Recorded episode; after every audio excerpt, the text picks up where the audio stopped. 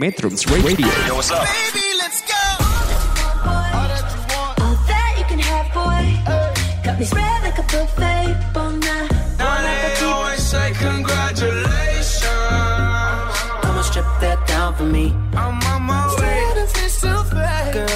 Metrums yeah. Radio, media terintegrasi kaum muda. Metrum Radio, media terintegrasi kaum muda. Assalamualaikum warahmatullahi wabarakatuh.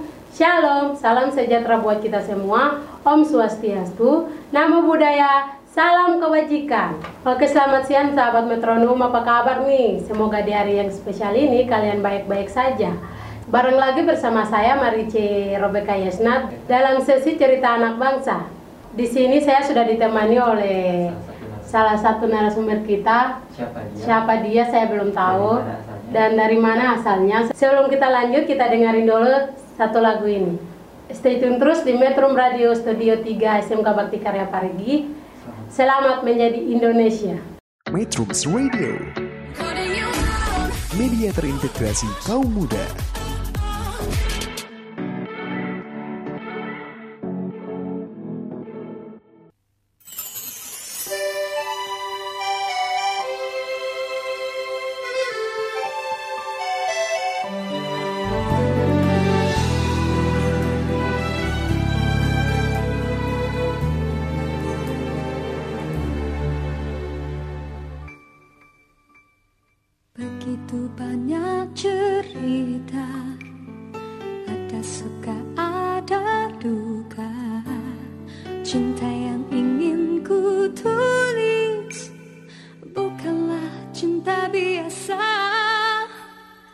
Dua keyakinan bisa Masalah pun tak sama.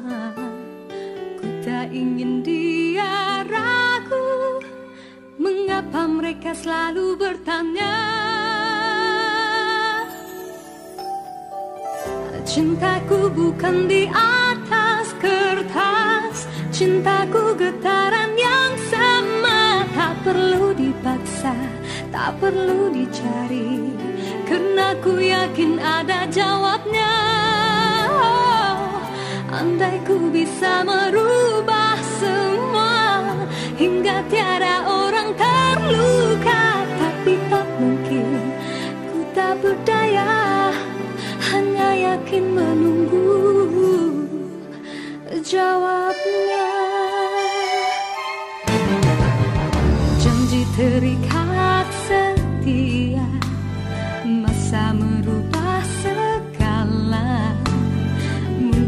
Mungkin dia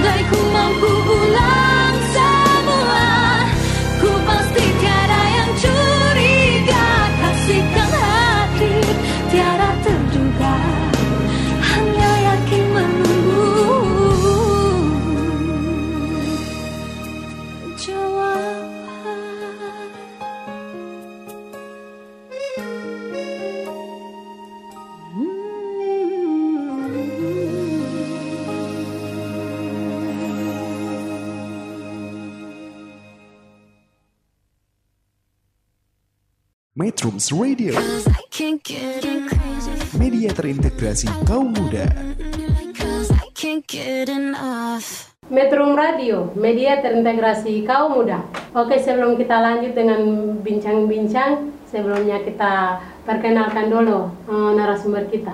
Oke, eh, Kak Marice, lebih akrabnya lagi ya dipanggil Kakak Marice apa Mbak Marice nih?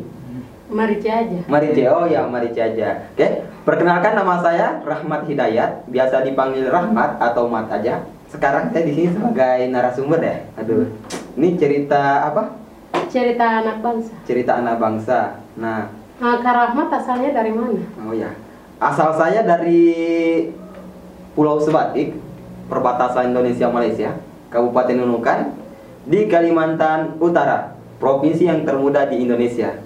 Kira-kira hobi Kak Rahmat apa ya? Nah, kalau bicara tentang hobi, hobi aku banyak sebenarnya. Bisa diceritain? Nah, hobi aku antara eh, sebut semua apa satu-satu yang spesial gitu. Semua juga bisa, satu juga bisa. Oke, sekarang saya akan sebut eh, semua aja ya semua. Iya. Eh, pertama, hobi saya itu badminton ya pertama, yang saya paling saya suka. Kedua, main bola. Bola ta- kaki atau bola voli? bola kaki dong.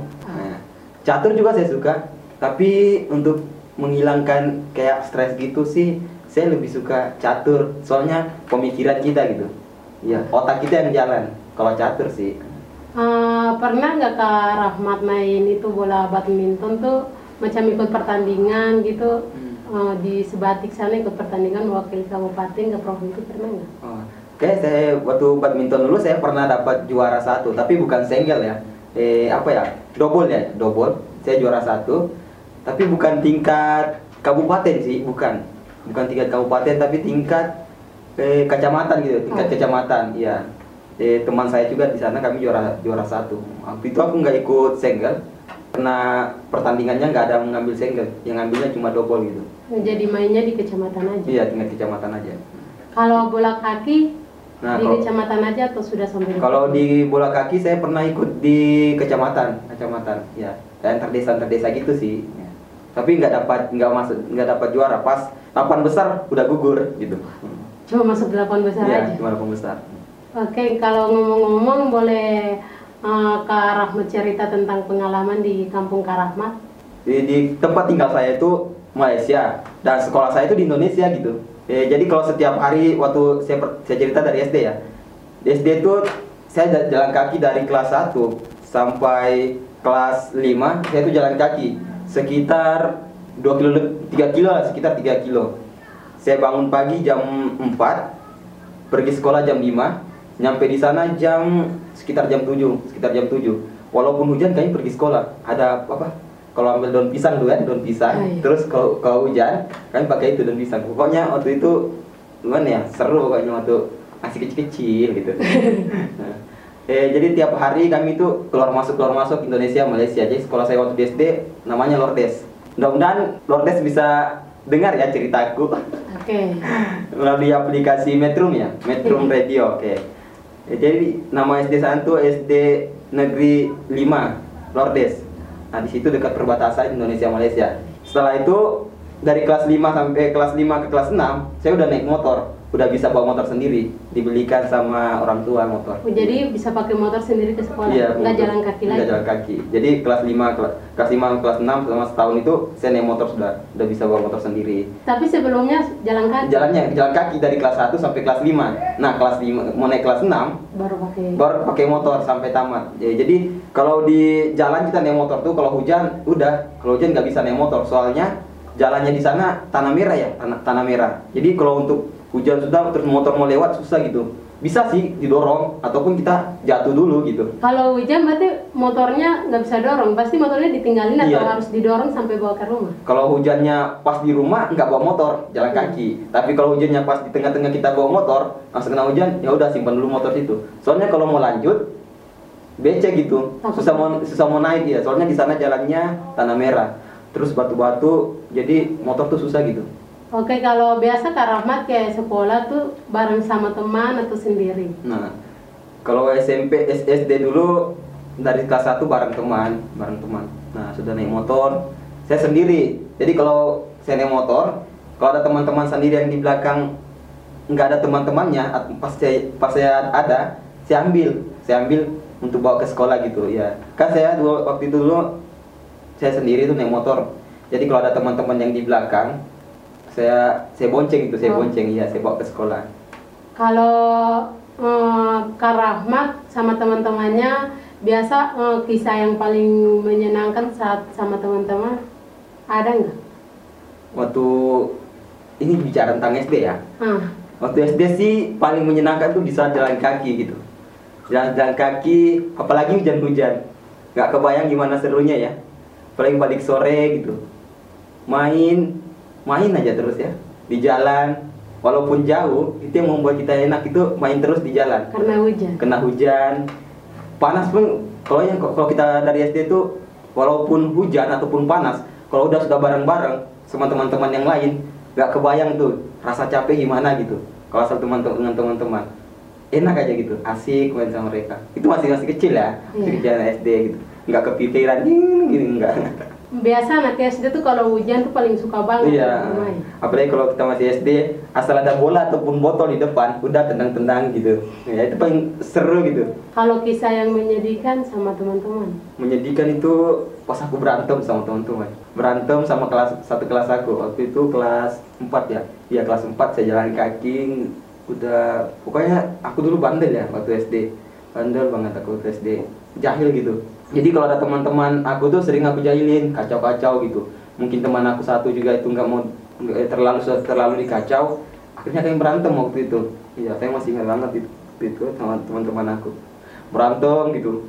Pas tuh sudah berantem berteman lagi balik. Kan anak-anak waktu SD kalau udah berantem walaupun apa pasti berteman lagi itulah asiknya gitu kalau anak-anak. Tapi kalau Kak Rahmat pas berantem eh, orang tuanya tuh marah sama Kak Rahmat atau tidak? nah kalau orang tua aku kalau berantem berantem aku yang dimarah tuh bukannya musuh aku gitu tapi akunya yang dimarah. Tapi kalau ada aku berantem aku nggak berani ceritain ke orang tua aku. Soalnya yang yang kena sasarannya tuh bukan teman aku bukan musuh aku tapi akunya yang dimarah. Oke, kalau di kampungnya Kak Rahmat, eh, orang tua Kak Rahmat eh, kerjanya apa? Kalau orang tua orang tua kerjanya kan tinggalnya di Malaysia tuh. Dan di Malaysia juga nggak rumah sendiri ya nggak rumah pribadi gitu cuma kayak apa ya eh, rumah kon- kontrakan kontrakan eh rumah udah di perusahaan perusahaan gitu nah dibuat rumah terus orang tua tinggal di situ kerja kelapa sawit kerja kelapa sawit tapi punya kebun punya kebun tapi kebun kita di Indonesia jadi orang tua kerjanya eh, kelapa sawit gitu namanya Teguan ya Teguan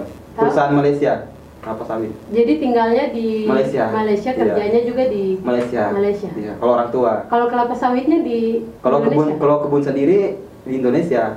Ya, dekat sih sekitar 2 kilo gitu dari rumah itu. Soalnya kan kita tinggal di perbatasan. Kalau orang tua kerja kelapa sawit biasa nggak Kak Rahmat bantu? Biasa bantu, biasa enggak. Soalnya saya di sana sering jalan. Kalau mm, ambil macam cara untuk ambil kelapa sawit itu gimana? Boleh Kak Rahmat cerita? Nah, ambil kelapa sawit itu pakai apa ya? Pakai tombak, pakai tombak terus dijolok ya. Jadi kalau di sana tuh untuk mau turunkan kelapa sawit pakai celurit, disambung pokoknya ada 2 meter apa semeter lebih kayunya disimpan kayu nah, terus ditom ditombak terus. Soalnya kelapa itu eh, semakin tahu semakin tahun tuh semakin tinggi dia. Eh dulu itu waktu saya tinggalkan pulau eh, kampung halaman kampung saya sekitar 3 meter eh 2 meter lah 2 meter tingginya sekarang paling udah lebih 3 meter ya 3 meter jadi di sana tuh kan masak tuh berbuah udah diturunin. Kalau mentah sih nggak mentah itu perbedaannya antara masak dengan dia warna kuning apa sawitnya tuh. Gedenya tuh sele, eh, buahnya segede apa ya? Emak jari lah emak jari nih gede gitu. Nah dia tuh warna kuning terus mengkal mengkal warna hitam gitu. Jadi tahu nah kalau sudah dia ditombak pasti jatuhnya kan ke bawah. Nah di bawah tuh kehambur bijinya. Nah itu juga harus diambil gitu, dipungut bijinya pakai keranjang, bakul ya, pakai bakul gitu, dibawa ke. Nah di sana yang mengambil kelapa sawitnya ada terak, ada person. Kalau person di sini apa ya? Person tuh yang di sawah ya, Marice? Ah, iya. Di sawah tahu Marice kan gitu Ah. lah, yang di sawah itu yang dinamakan person. Tapi kalau di sana, eh, itu dinamakan person kalau di sawah kan, di sini yang pembajak padi gitu. Nah kalau di sana person itu pengangkut kelapa sawit. Tapi bahasa Indonesia apa ya? Traktor, bahasa Indonesia traktor. Nah kalau di sana di Malaysia bilang person. Nah itu yang mengangkat kelapa sawit. Dan setelah diangkat kelapa sawit dari tempat penombak itu dibawa namanya ke rem. Setelah itu ke direm, dituang semua di situ ada terak. Kalau di bahasa Malaysianya lori. bahasa Malaysianya lori. Nah, nah setelah simpan person itu person udah ini bahasa Malaysia person tuh kalau di traktor gitu. Iya, iya. sudah mengangkut ke rem di bawah udah ada menunggu lori. Bawa bawanya ke pabrik. Nah pabrik itu namanya kilang. Kilang ya kilang itu gede di sana nah sudah begitu sudah di disaring gitu sudah disaring minyak. Kan di sana ada tangkinya tuh. Tongnya ya tongnya. Gede banget tuh tongnya. Di sana ada tiga tongnya. Kalau bilangnya tangki ya.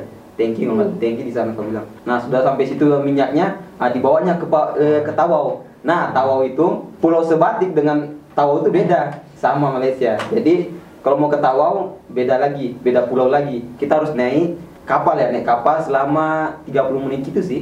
Itu naik kapal dari dari Pulau Sebatik, Pulau Sebatik Sebatik ke ke eh, Tawau. Nah, Tawau itu kotanya. Kalau di Sebatik tuh Sebatik kan ada dua tuh Sebatik Indonesia dengan Sebatik Ma- eh, Sebatik Malaysia. Indonesia. Nah, Sebatik Malaysia itu perkampungan gitu. Jadi kalau kelapa sawitnya itu sudah diolah berarti jadi minyak. Iya jadi minyak benar banget. Jadi minyak apa? tuh? Minyak yang biasa pakai masak. Iya, dipasak pakai Ah. masak. Ya Minyak- masak goreng gitu. Iya, Nah, minyak itu dong. namanya. Minyak makan. Nah, Nah. Kalau Karahmat orang tuanya kalau biasa kerja kelapa sawit, biasa penghasilannya tiap bulan tuh berapa? Nah, kalau penghasilan ada kayak juta lima ratus, dua juta gitu. Kalau dirupiahkan, tapi kalau diringgitkan itu 500, 600, 600 ringgit, 600 ringgit, 700. Itu pakai mata uang Malaysia lagi. Itu mata uang Malaysia. Nanti kalau mau tukar uang Indonesia ke Indonesia lagi. Indonesia lagi. Nah, jadi di sana mata uang ada dua, Marice. Marice mungkin bisa main-main ke Sebatik. Oke. Bagaimana sih keadaan Sebatik? Nah, seperti apa sih mata uangnya? Nah, jadi mata uang di sana ada dua, Indonesia dengan Malaysia. Ya, kalau kita kalau kita ke sudah gajian ya, kan gajian di sana uang Malaysia. Rata-rata sih orang yang kerja di situ 98% tuh orang Malaysia, orang Indonesia yang TKI gitu, TKI. Nanti ngurus paspor gitu. Itu saya dia gaji uang uang ringgit, uang ringgit. Nah, kalau dia mau tukar uang Indonesia keluar aja gitu, keluar ke Indonesia. Di sana kalau uang ringgit ke Indonesia itu bisa masih laku. Tapi kalau uang rupiah ke Malaysia, bawa ke Malaysia itu udah kurang laku gitu. Susah melakunya. Jadi kalau pas gajian tuh macam uang ringgit nanti Iya, bisa tukar. ditukar ke Indonesia Iya. rupiah. Jadi kalau kita belanja di sana uang gunakan uang Malaysia ke Indonesia itu masih bisa. Agak aneh sih. Mungkin kita bilang kalah masih kalah ya kalau di sana. Sistem edaran uangnya Indonesia masih kalah dengan Malaysia kalau di Pulau Sebatik. Soalnya di sana kan kalau kita mau bilang uang Indonesia larinya ke Malaysia susah ya, tukarnya susah. Nggak kayak di mungkin mungkin mayoritas Pulau Sebatik juga orang Indonesia. Kalau biasa Karahmat macam bantu bantu orang tua macam apa tuh macam ambil kelapa sawit apakah macam Karahmat macam eh, kena macam apa tuh macam luka macam kena kelapa sawit gitu pernah nggak? Wah, per- eh, saya sih nggak pernah soalnya waktu itu juga saya eh, sering sih bantu orang tua tapi jarang sih kena. Cuma teman-teman aja yang kena. Nah kalau kena durinya itu Marice, Duri kelapa sawit. iya duri kelapa sawit itu Ada durinya? Ada dong durinya. Nah itu kalau kita kena eh, durinya itu bahaya. Soalnya membengkak dia, kayak ada racun gitu. Nah kalau so dikena kita kebanyakan teman-teman saya di sana itu kena durinya kelapa sawit. Nah kalau sudah kena itu membengkak, obatnya salah obatnya salah satu yang saya sering lihat buahnya itu sendiri. Yang masak digosok digosok ke kaki gitu. Digosok ke kaki. Kalau yang Buah kelapa sawitnya iya buah benar. Buah kelapa sawitnya. Itu digosok ke kaki. Nah biar apa ya biar racunnya sendiri tuh mengalahkannya gitu. Oh. Kalau macam kena gitu nggak bawa ke rumah sakit, bisa macam di apa tuh dirawat sama suster atau apa tuh mantri di rumah sakit. kalau masa kuatnya kan itu kan tergantung dari penyakitnya. Kalau sudah membengkak ataupun tidak bisa diobatin secara gimana secara eh, kita kita aja gitu secara orang di situ nah itu bisa dibawa ke rumah sakit. Ada diurus gitu ada surat surat rujukan. Ya kayak sakit ya surat rujukan ke bawa ke klinik.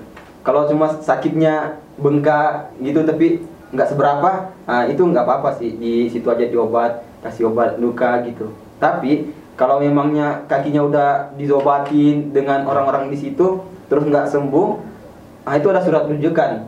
Di bawah namanya mister. Nah mister itu akan mem- membawakan buat surat untuk ke klinik gitu. Nah kliniknya itu bukan di daerah Sebatik pulau eh, pindah pulau lagi. Ke Tawau. Nah Tawau itu kan kotanya ada klinik klinik besar di situ nah di, nanti dibawa dibawa untuk dioperasi atau kakinya. Kalau emang kuat gitu kuat udah parah gitu. Oke teman-teman masih iya, penasaran kan? sebelum kita lanjut kita dengerin satu lagu ini dulu. Selamat menjadi Indonesia. Metro Radio. Media terintegrasi kaum muda.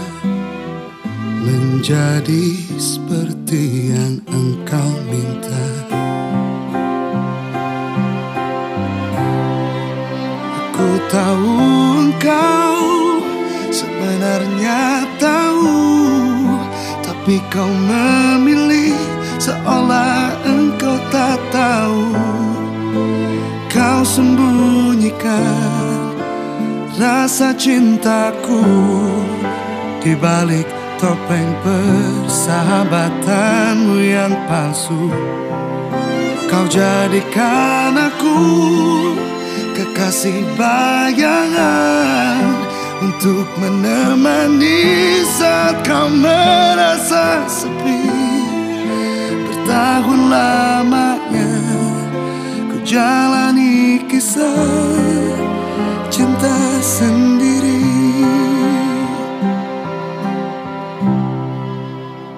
Mungkin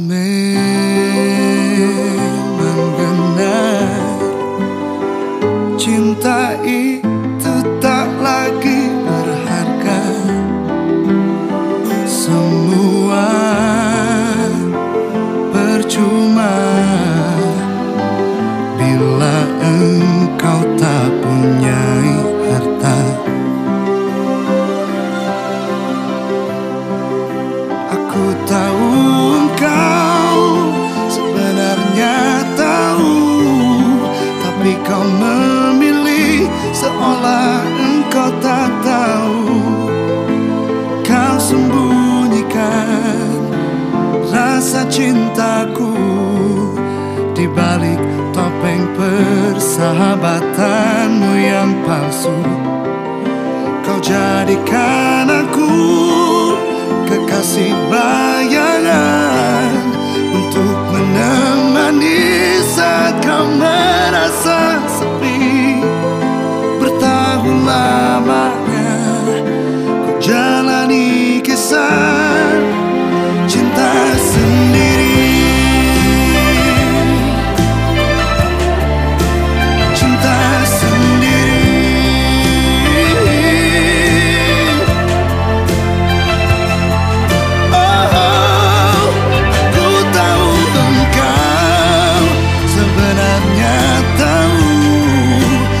Kau memilih Seolah engkau tak tahu. Kau sembunyikan Rasa cintaku Di balik topeng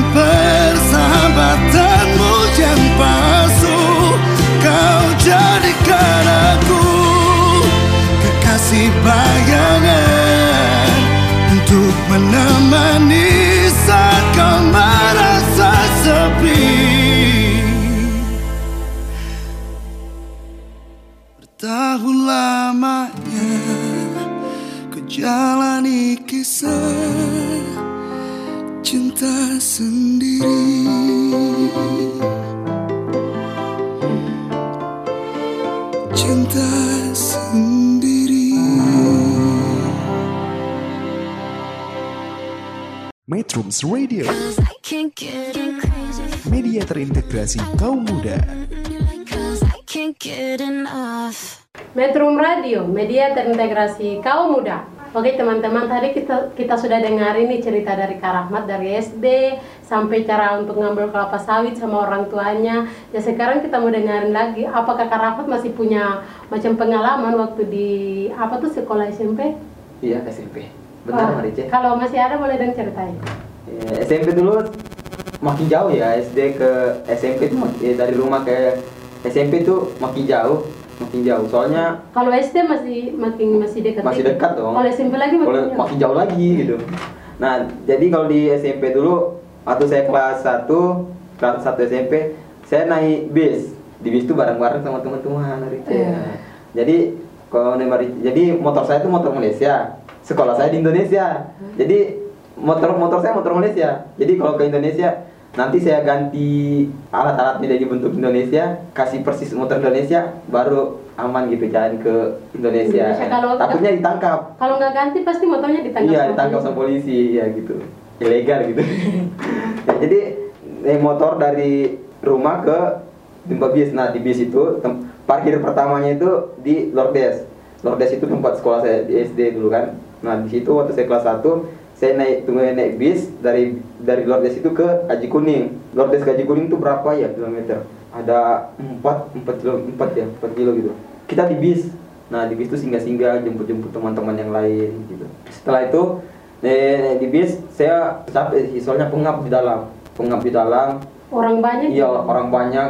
Uh pengap banget dalam waktu itu panas. Tapi naik bisnya khususnya untuk ah, macam anak sekolah aja. Iya untuk anak sekolah untuk anak sekolah aja kalau orang-orang yang nggak sekolah susah sih mau naiknya di situ. Dari Lordes ke Kajukuing itu pengap pengap banget jadi saya nggak tahan waktu itu.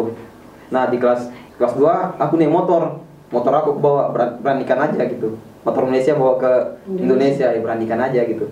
Udah aman aman sampai sekarang. Nah sampai sekarang tuh. Jadi pas Motor- bawa nggak ditangkap. nggak ditangkap nggak ditangkap oh, kalau mau motor aku udah keliling Pulau Sebatik motor aku Indonesia Malaysia. Tapi motor itu motor Malaysia. Mm, aku modifikasi jadi motor Indonesia gitu. Hmm, soalnya kalau aku nggak modifikasi takutnya ketangkap. Kalau pengalaman-pengalaman Kak Rahmat waktu di SMP sama teman-teman, waktu masih teman-teman waktu saya SMP aduh saya tuh nakal ya dulu ya jahil. Waktu kembali lagi waktu waktu SD kebawa kebawa lagi waktu itu ke kelakuan saya waktu SD kembali lagi ke waktu di SMP saya tuh waktu kelas satu saya aman-aman aja gitu Eh, ranking saya masih tetap ranking berapa waktu itu? Ranking satu atau ranking dua ya? Eh, rank- ranking dua atau ranking tiga itu begitu naik kelas 2 udah rusak. Soalnya aku udah berkenal dengan teman-teman baik balapan motor gitu balapan motor. Aku dulu balapan motor Oh, jadi iya. jadi balapan motor dulu Marice iya. Hmm, jadi eh, mungkin ikut sama teman-teman senior senior gitu. Nah jadi aku waktu SMP jarang di rumah soalnya. Udah di rumah teman di rumah teman udah kenal udah bergaul dengan teman-teman gitu. Jadi aku jarang di rumah. Akhirnya aku kembali lagi itu kembali kayak nakal gitu ikut bolos bolos kalau dipukul sama guru tuh aduh. Udah rasa sakit, uh, bolos aja. udah banyak kali aku dipukul sama guru kalau masalah SMP dulu ya. Soalnya aku juga aku juga yang salah. Nakal gitu kelahi balapan motor gitu. Sampai motor berapa kali disita di sekolah ada balapan motor tapi sekarang kan Kak Rahmat sudah eh, jauh sekolah di Pulau Jawa. Kak Rahmat ingat nggak sama teman-teman Kak Rahmat yang dulu bermain balapan motor? Atau... Waduh, masih masih ingat dong. Ya, masih banyak, masih banyak masih ingat. Tapi sekarang masih komunikasi. Masih komunikasi dong lewat media sosial gitu. Kita tetap interaksi dengan teman-teman gitu. Nah, oke media sekarang eh, sekarang kan Kak, Rahmat sudah sampai di SMK Bakti Karya. Eh, apa perasaan Kak Rahmat setelah sampai di SMK Bakti Karya? Nah, waktu itu saya sekolah di Pulau Sebatik, teman-teman aku orangnya di situ-situ aja ya. Kecamatan, kecamatan. Nah, begitu aku mengikhtiarkan ya, ikhtiarkan sekolah di SMK Bakti Karya, aku ketemu yang namanya Marice. Oh. Nah, Marice aku ketemu. Nah, kalau aku kalau aku nggak ketemu ke sini, aku nggak ketemu Marice ya. Iya, iya, benar. Hmm. Jadi pertama pertama saya ke sini tuh disambut dengan hangat. Eh, Pertama juga naik pesawat. Pertama kali naik pesawat. Pertama kali naik Iya, pesawat? Pertama kali naik pesawat. Pertama kali juga lihat Jakarta. Nah. Pertama kali lihat Jakarta, wah rasanya gimana ya? Senang banget, senang gitu. tapi aku nggak promo promosakan sekolahnya ya sekolahnya bilangnya gini eh ah sunyi gitu gedungnya nggak banyak nggak tapi aku terpesona dengan multikulturalnya gitu. Ah. lihat teman jadi teman-teman aku selama aku sekolah di sini banyak ya dari Aceh sampai Papua ada gitu. Tapi yang anehnya pas waktu waktu pertama ke sini lihat teman aku satu kelas. Pertama datang ke sini ya. Itu orang mana tuh? mau tahu? Iya. Abner. Eh, Abner tuh orang mana? Abner orang Papua Papua.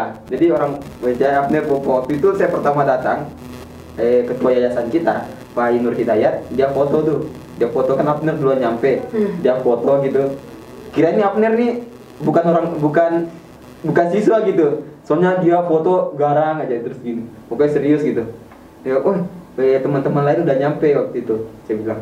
Ya sama ada ada ada teman gitu ada eh, teman-teman yang udah pada nyampe di bandara. Nah setelah dia ngomong gitu eh, kita lihat fotonya nih kan dikirim foto kan kita punya ada grup tuh. Hmm. eh, untuk yang pertama masuk sini di kirim ke grup. Kita kira Abner tuh nggak nggak siswa gitu.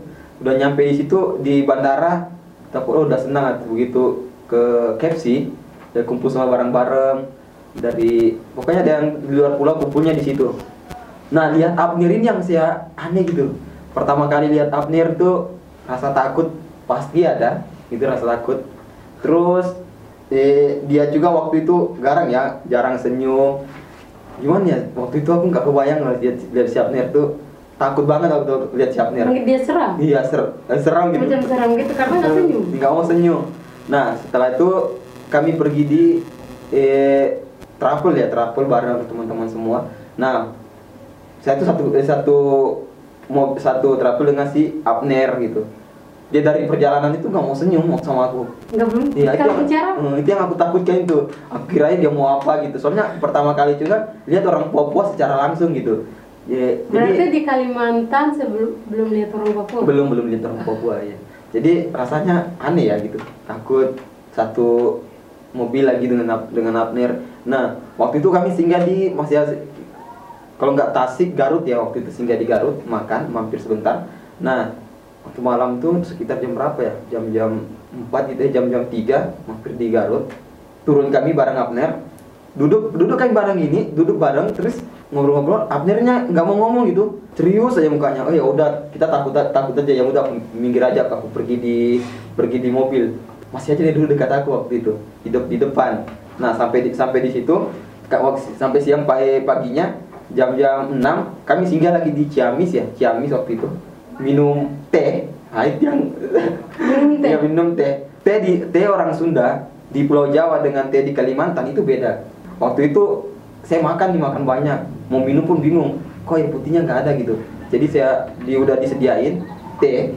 Ternyata teh itu teh apa? Teh tawar. Saya nggak tahu teh tawar itu. Begitu saya ambil banyak-banyak di gelas besar, saya ambil banyak-banyak, sekali saya minum. Wah ya ampun, Nggak ada enak. Gak, gak enak benar. Tawar banget, tawar banget. Gulanya nggak ada apa. Saya, ki- saya kira ini tuh manis gitu kayak teh teh teh di Kalimantan. Saya muntah, saya muntah. Iya, saya muntah benar. Gak, waktu itu juga nggak ada. Paksa saya beli air, air minum. Dan sih saya rasa kok begini ya makanannya orang Sunda gitu. Prasangka prasangka itu waktu itu terlalu banyak mungkin ya. Terlalu banyak prasangka tentang keburukan gitu. Jadi kebayang, eh gimana bisa nggak aku adaptasi kalau makanannya gini ya, minumannya aja tawar gitu. Soalnya nggak kebiasa ya nggak biasa minum minum tawar gitu. Teh tawar. Nah sampai di sini kita disambut secara baik-baik Marice secara aman gitu. Lihat Abner lihat Abner aja oh saya itu takut. Abner tuh jarang senyum sampai di sini. Lihat sekolah juga gitu. Disambut dengan teman-teman. Abner tuh jarang senyum loh. dari pertama kali ketemu sampai di sini dia tuh jarang jarang senyum Abnernya. Kalinya begitu udah udah tiga bulan aku kan waktu itu merasa nggak betah ya ada sebulan lebih yang nggak betah mau pengen pengen pulang itu ya orang tua bilang kalau mau pulang eh sok kalau bahasa Sundanya mah silakan katanya kalau mau pulang ya udah aku bertahan tahan sedikit Tapi Karabat nggak jadi boleh. nggak jadi pulang waktu itu nggak jadi pulang karena udah kena sama kena sama teman-teman yang lain gitu berbau sama teman-teman yang lain nah Oh, Karabat dia sudah sampai di SMK Bakti Hmm. Karya. Terus cara belajarnya di SMK Bakti Karya itu gimana Karabat? Boleh Nah. diceritain dan supaya sahabat metronom dengar. Oke. Di SMK yang SMK Bakti Karya, yang saya rasakan bedanya dengan SMP, dan saya melihat juga seperti apa pelajaran di SMA di sana itu jauh beda ya jauh beda. Di mana kita di sini eh bukan bukan cuma teman-teman di sini aja untuk berbaur tapi bagaimana juga cara kita untuk berbaur dengan masyarakat gitu. Jadi antara siswa dengan masyarakat itu terhubung gitu. Jadi pelajarannya santai pelajaran santai dan interaksi kita juga dengan masyarakat terhubung. Berarti nggak kayak gimana ya masyarakat masyarakat siswa siswa nggak gitu. Jadi masyarakat juga lihat seperti apa kegiatan kita gitu. Nah untuk pelajaran dalam kelas kita bebas memilih di mana aja. Bebas nah guru-gurunya di sini di SMK Bakti Karya tuh dia memilih kita. Selama tiga tahun dia kasih memilih kita. Eh mau di mana? Di luar apa dalam kelas? Tergantung siswanya. Kalau siswanya memilih di luar ya udah di luar. Kalau siswanya memilih di dalam di dalam. Gurunya mengikuti siswa itu keenakan kita. Nggak kayak di SMP di SMP kelas di kelas di kelas. Di mana kita otak kita kayak beku gitu. Tembok ini. Jadi kayak kurang refreshing ini gitu. Nah jadi mentok-mentoknya udah aku tuh dulu paling malas tuh pengen tidur aja. Tidur deh kalau ada guru ma- masuk pengen tidur. Soalnya udah bosan di dalam kelas terus di belajar. kelas terus. Hmm, di dalam kelas. Jadi di SMK Bakti Karya kita belajar di luar juga bebas gitu. Apalagi ada guru yang paling saya senang belajar juga yang namanya Kang Ati waktu itu. Waktu saya kelas satu. Iya soalnya kita duduk di, di- dia belajar duduk di duduk di meja gitu. Sambil ngajar duduk di, me- di meja juga nggak apa-apa gitu. Kita bebas asal kita bisa menyerapi materi-materi yang diajarkan gitu. Bebas kita apa berekspresi mau duduk di meja juga nggak apa-apa nah itu kebebasan-kebebasan yang ada di SMK Bakti Karya gitu yang penting kita menyerap hal yang baik. iya yang baik. Bebas mau di luar atau di dalam kelas, Iya, tapi asalkan masuk- masuk di nah, kepala yang dipelajari. hal yang kita lakukan harus positif. iya gitu asal mudah menyerap di otak gitu Iya. apa yang diajarkan sama guru-guru Oke Kak Rahmat, Kak Rahmat itu sudah mau tiga tahun di SMK Bakti Karya Parigi. Ada nggak Cek, pengalaman Kak, Kak Rahmat yang eh, menyenangkan sama menyedihkan? Yang menyenangkan dulu nih. Oh, oh menyenangkan dulu ya. Jadi pengalaman saya di situ semuanya banyak. Yang saya dapat sertifikat juga udah banyak. Udah 15 sertifikat saya Oh, dapat. ya. Itu sertifikat apa aja? Saya dapat sertifikat pramuka tentang toleransi, meyakini, menghargai. Nah, saya juga dulu ikut pesantren Marice. Ah. Pesantren. Pesantren itu saya ikut di waktu itu di Tangerang pertama di Pondok Cabe. Dari dari SMK Bakti Karya ikut Iya. ke sana. Iya, saya ikut di sini. Saya terpilih. Ada berapa orang ya? Kalau nggak salah ada enam orang atau lima orang. Jadi saya di sana. Untuk tole eh, apa pesantren itu bukan cuma Islam doang gitu. Bukan tentang kita pelajaran Islam aja, tapi bagaimana juga kita belajar tentang agama-agama lain yang ada di Indonesia. Seperti Konghucu, Kristen, Protestan, Buddha, Hindu, Konghucu gitu. Jadi kita di situ eh, wisata jadi kita pergi ke eh, rumah beriba, rumah ibadah agama-agama lain. Kita belajar gitu bagaimana mereka menjelaskan seperti apa sih agama mereka itu gitu. Ada yang bertanya apa sih agama Kristen itu? Nah mereka nanti menjelaskan. Jadi kita tuh pergi ke rumah ibadah rumah ibadah mereka. Kami menjelaskan juga dengan pastor gitu dijelasin apa sih agama gitu Konghucu seperti apa jadi saya dulu tuh Marice identik ya dengan agama identik dengan agama Agama lain. agama lain gitu. Walaupun saya di sekolah saya itu waktu di SD agama eh sekolah saya itu kebanyakan non muslim gitu, non muslim. Jadi saya tuh di SD dulu nggak bisa nggak berani masuk ke gereja. Walaupun ada gereja di situ, saya bilang nggak berani. Soalnya kenapa? Materi-materi yang apa? Ya, bukan materi sih. Apa? Yang masuk itu di telinga saya begini agama Kristen gini gini. Eh, pokoknya yang saya dengar tuh adalah jeleknya aja gitu. Jadi saya agak takut gitu. Iya. Nah, begitu saya di sekolah di SMK Bakti Karya, saya masuk tuh di gereja, saya masuk di gereja, bahkan di tempat Konghucu juga saya masuk gitu. Bagaimana saya belajar tentang agama mereka. Soalnya saya saya tantang pemikiran saya yang tentang bagaimana sih keburukan-keburukan agama mereka. Nah, begitu saya nyampe di tempat ibadah mereka, mereka menyambut aku secara dengan secara baik. Jadi rasa eh prasangka-prasangka keburukan agama lain udah hilang. Jadi itu yang saya dapatkan di SMK yang menyenangkan di SMK Bakti Karya. Kalau yang menyedihkan di SMK Bakti Karya? yang menyedihkan adalah menahan rindu. Oh, Iya. menahan rindu. Iya, menahan rindu dengan keluarga. Karena itulah eh, akibat dari orang merantau adalah menahan rindu. Bagaimana cara kita untuk menahan rindu itu? Untuk tidak di apa ya, tidak diekspresikan secara langsung. Jadi bagaimana kita melawannya rindu itu. Jadi yang menyedihkan ad- itu adalah rindu keluarga gitu. Dulu kita dimasakan, di, di, dimanja gitu dan sekarang kita sakit ngurus sendiri, makan sendiri. Jadi itu yang saya rasakan itu yang menyedihkan gitu. Oke sahabat metronom, tadi kita sudah dengerin cerita dari Kak Rahmat. Eh, sebelum kita lanjut, kita dengerin dulu satu lagu ini. Metrums Radio media terintegrasi kaum muda.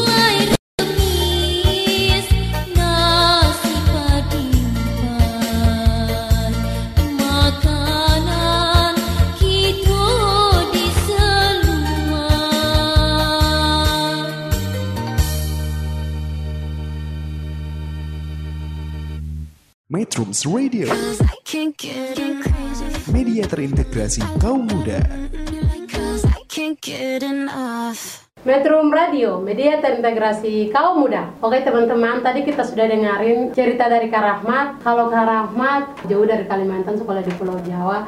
Nah, kalau Kak Rahmat, Kak Rahmat punya cita-cita nggak ada untuk eh, negeri sendiri di Sebatik, Pulau Sebatik. Cita-cita untuk mungkin depannya Sebatik gimana gitu?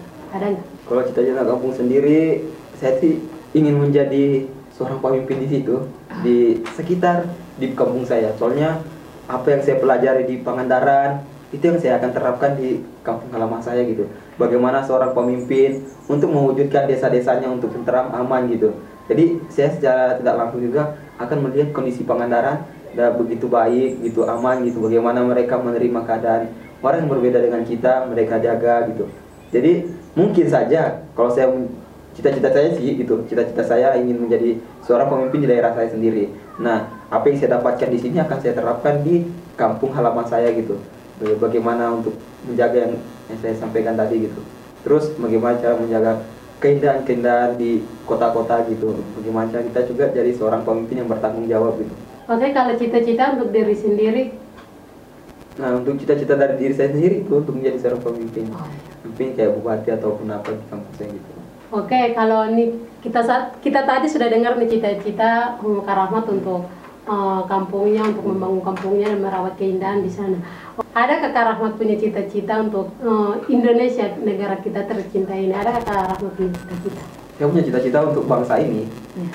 menghapus salah satu yang sering terjadi eh, salah satu yang sering terjadi di negara kita yang selama ini saya lihat adalah korupsi korupsi ini yang nggak pernah di habis-habisnya nggak ada titik-titiknya selesai korupsi ini nah bagaimana cara kita untuk menyelesaikan ini mudah-mudahan saya saya eh, naik ya sebagai itu sih harapan saya untuk mencontohkan generasi-generasi selanjutnya untuk tidak korupsi gitu. Setidaknya untuk mengurus waktu. Soalnya apa yang kita lihat di ke- keadaan sekarang ya eh, korupsi begitu merajalela terus eh, toleransi juga. Nah toleransi ini toleransinya menurut aku perlu ya di negara kita. Karena begitu banyak keragaman kulturnya jadi yang perlu ditanamkan untuk generasi-generasi selanjutnya adalah toleransi agar mereka tahu seperti apa sih kebudayaan kita, seperti apa sih suku kita, seperti apa sih agama kita yang ada di Indonesia gitu.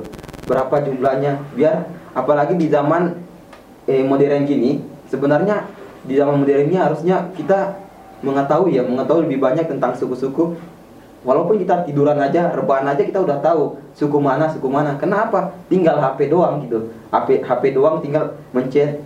Contoh aja ya, saya me- melihat suku suku Marice gitu. Hmm. Suku Marice apa? Ah, Abun. Abun. Nah, suku Abun. Kita kan bisa melihat, bisa pelajari. Nah, tapi dengan pelajarin aja kita nggak cukup gitu. Tapi bagaimana juga kita interaksi dengan Marice gitu. Iya. Bisa melihat eh, kebudayaan Marice, bicara Marice gimana gitu. Jadi itu yang perlu saya tingkatkan sih untuk Indonesia ke depannya. Bagaimana kita untuk menanamkan multikultural untuk menghargai satu sama lain. Soalnya tentang agama aja ini masih diperdebatkan gitu. Padahal agama itu individu loh, individu, individu antara aku dan kamu, eh, gitu. Aku sama kamu gitu agama. Jadi kalau masalah agama yang terus dipertentangkan ini akhirnya panjang gitu, panjang. Jadi alurnya al- alurnya gimana ya? Udah bertentangan gitu eh, pendapat nih aku tahu sih agama kita tahu sih agama ya agama di seluruh Indonesia seluruh dunia tidak ada sih yang mengajarkan tentang keburukan. Jadi semua agama tuh mengajarkan tentang kebaikan. Kalau yang melakukan kebe- keburukan keburukan itu adalah oknumnya oknum yang tidak bertanggung jawab. Kalau kita merasa diri kita agama kita benar ya udah kita lakukan yang benar gitu. Kira-kira seperti itu. Jadi apa yang harap saya harapkan adalah untuk mengawantas korupsi dan meningkatkan toleransi, gitu Toleransi. toleransi Oke teman-teman, kita tadi sudah mendengarkan Kak Rahmat cita-cita dia untuk diri sendiri dan untuk membangun kampungnya dan untuk membangun Indonesia. Sebelum kita lanjut, kita dengarin dulu satu lagu ini. Selamat menjadi Indonesia. Metrums Radio, media terintegrasi kaum muda.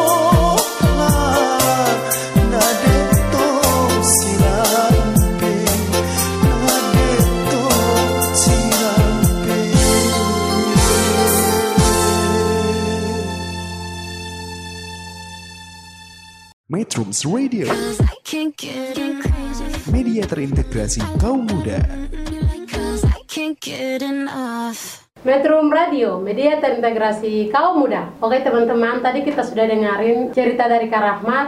Nah, sekarang kita mau dengerin nih. Kak Rahmat kan dari Kalimantan Utara tinggalnya di perbatasan Benar. Indonesia Malaysia.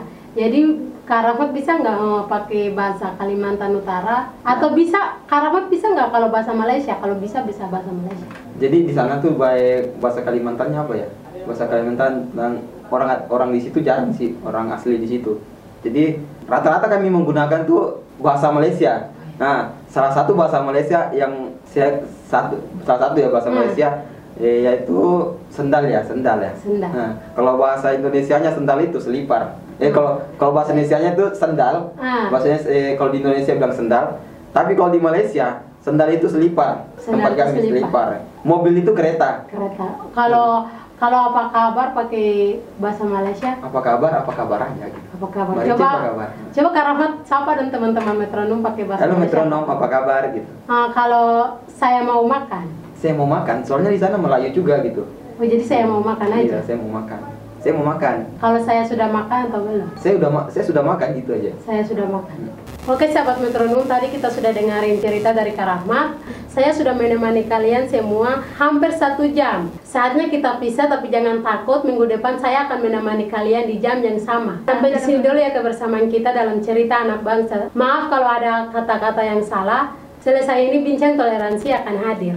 Jangan ke mana-mana, stay tune terus di Metro Radio Studio 3 SMK Bakti Karya Parigi. Selamat menjadi Indonesia. Metrums Radio, media terintegrasi kaum muda.